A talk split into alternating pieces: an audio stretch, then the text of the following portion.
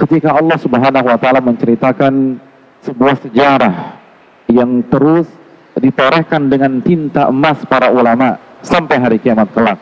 Falamma balagha ma'ahu sa'ya ketika Ismail telah tumbuh menjadi seorang pemuda yang mandiri, yang membantu pekerjaan orang tuanya, yang diandalkan, yang dibanggakan.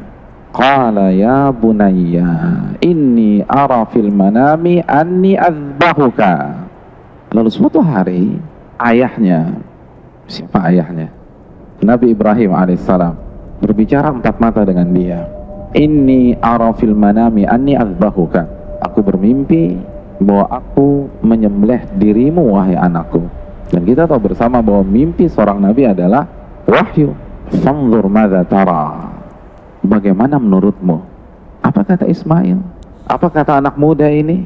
Anak muda ini mengatakan dengan suara lantang, Ya abatif al tu'mar wa alhanda lakukan apa yang Allah perintahkan kepada dirimu sembelihlah aku aku menyerah aku menyerah pada perintah Allah Jalla wa ala satajiduni insyaallahu minas sabirin dan engkau akan mendapatkan aku termasuk ke dalam golongan orang-orang yang sabar. Allah ingin menguji seberapa loyalnya Nabi Ibrahim dan Ismail kepadanya subhanahu wa ta'ala. Dan ketika mereka menyerah, apa yang terjadi? Mari kita simak lanjutan ayat tersebut. Falamma aslama wa tallahu lil jabin. Ketika kedua orang tersebut telah menyerah, lihat menyerah. Allah mengatakan menyerah. Allah tidak mengatakan membantah. Allah tidak mengatakan mendebat. Siapa yang bisa menyerah jika perintahnya seperti itu di hadapan kita? Dan Allah yang katakan, Salama aslama. Aslama adalah kata kerja dari Islam. Aslama yuslimu islaman. Artinya menyerah.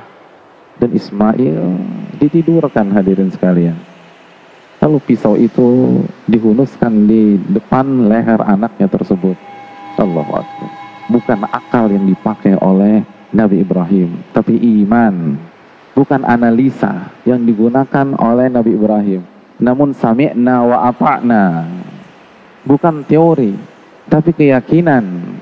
Sebuah seruan dari atas langit yang ketujuh.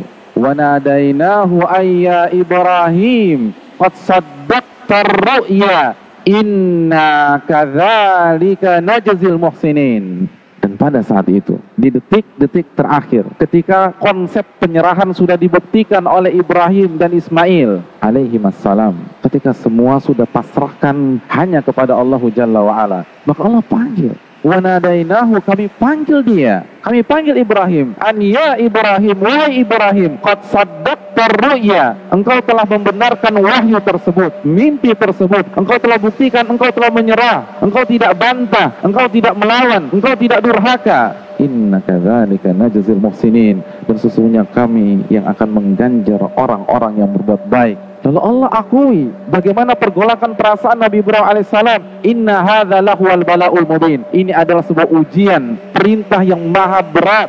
Namun apa selanjutnya? Wa fadainahu bidzibhin azim.